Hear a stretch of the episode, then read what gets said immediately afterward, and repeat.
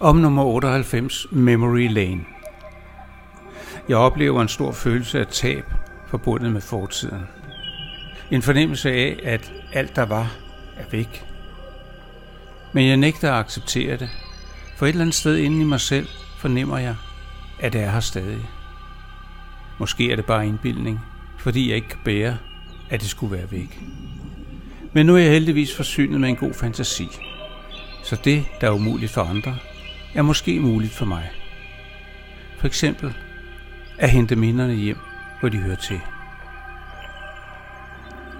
Her kommer nummer 98, Memory Lane. Jeg var aldrig lykkeligere end i fortiden. Den står i et særligt skær for mig. Men nu, i mine stille stunder, når jeg sidder alene med minderne, må jeg erkende, at fortiden er væk. Jeg har kun nogle svage billeder i mit indre. En slags bevis på, at det vist nok skete. Men alle de følelser, der hørte med, glæde, angst, vrede og sorg, og frem for alt fornemmelsen af samhørighed og duften af et sprudlende liv, alt det er nu uden for min rækkevidde. Jeg kan næsten ikke bære det. Jeg vil ikke, at det forsvinder. Og jeg føler, at hvis jeg slipper nu, er det væk for altid. Jeg mærker, hvordan fortvivlelsen dræner mig. Ikke den mindste fysiske energi er mobiliseret. Ikke en eneste tanke står op for mig og siger, ja, men hallo, helt væk er det vel ikke. Jeg falder lidt sammen. Venter. Tør næppe trække vejret. Sekunderne tigger. Så mærker jeg en svag uro dybt i mit indre. Hører slæbende skridt. De bliver raskere. Og derimod mig kommer han, krigeren, min trofaste væbner i alle livets kampe. Så let giver vi os ikke, bulrer han og giver mig et kram, så jeg mister pusten. Jeg mærker, at kampgejsten tøvende indfinder sig ved tanken om, at vi nu er to til at bekæmpe denne kosmiske urimelighed. Og med min gamle ven ved min side sætter jeg kurs mod min indre verden. Og den er slet ikke, som den plejer at være. For en gang skyld pulserer den med liv. Jeg genkender scener fra min fortid og forsøger at kontakte folk, jeg husker. Men de ser lige igennem mig. De kan ikke se mig, tænker jeg, og gyser lidt. Er også dette bare billeder? Kun en film? Jeg begynder at miste mod, men mærker, at krigeren holder mig fast. Så let giver vi os ikke.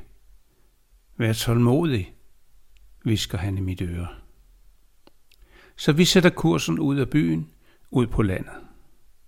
Men knapt er vi kommet væk fra Alfarvej, før jeg opdager en hale af mennesker efter os. Jeg ved ikke, hvad jeg skal gøre, og beslutter at lade som ingenting. Inden længe kommer vi ud til det store træ i skoven. Den kanadiske fyr, hvor jeg fandt mit lønkammer. Et lille værelse i mesozoisk tid. Jeg sætter mig læner mig op af dette århundrede gamle træ og lukker øjnene.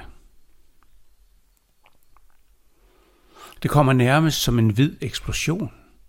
Dog ikke ubehageligt, men kærligt og trygt. Og med en styrke så overbevisende, at jeg ved, det ikke nytter at kæmpe imod.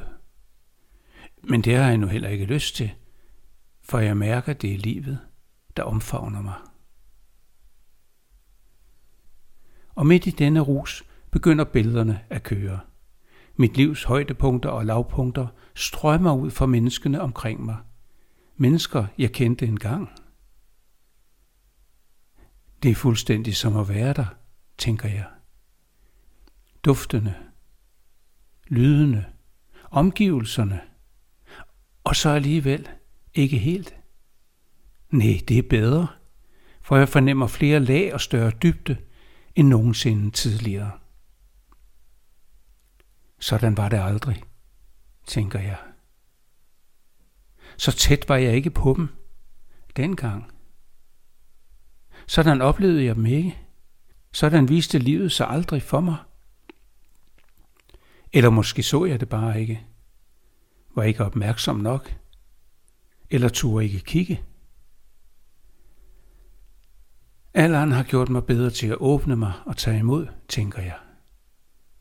Og jeg oplever, hvordan jeg heles og styrkes, mens minde efter minde hæfter sig til mit hjerte, falder til ro og bliver en del af mig.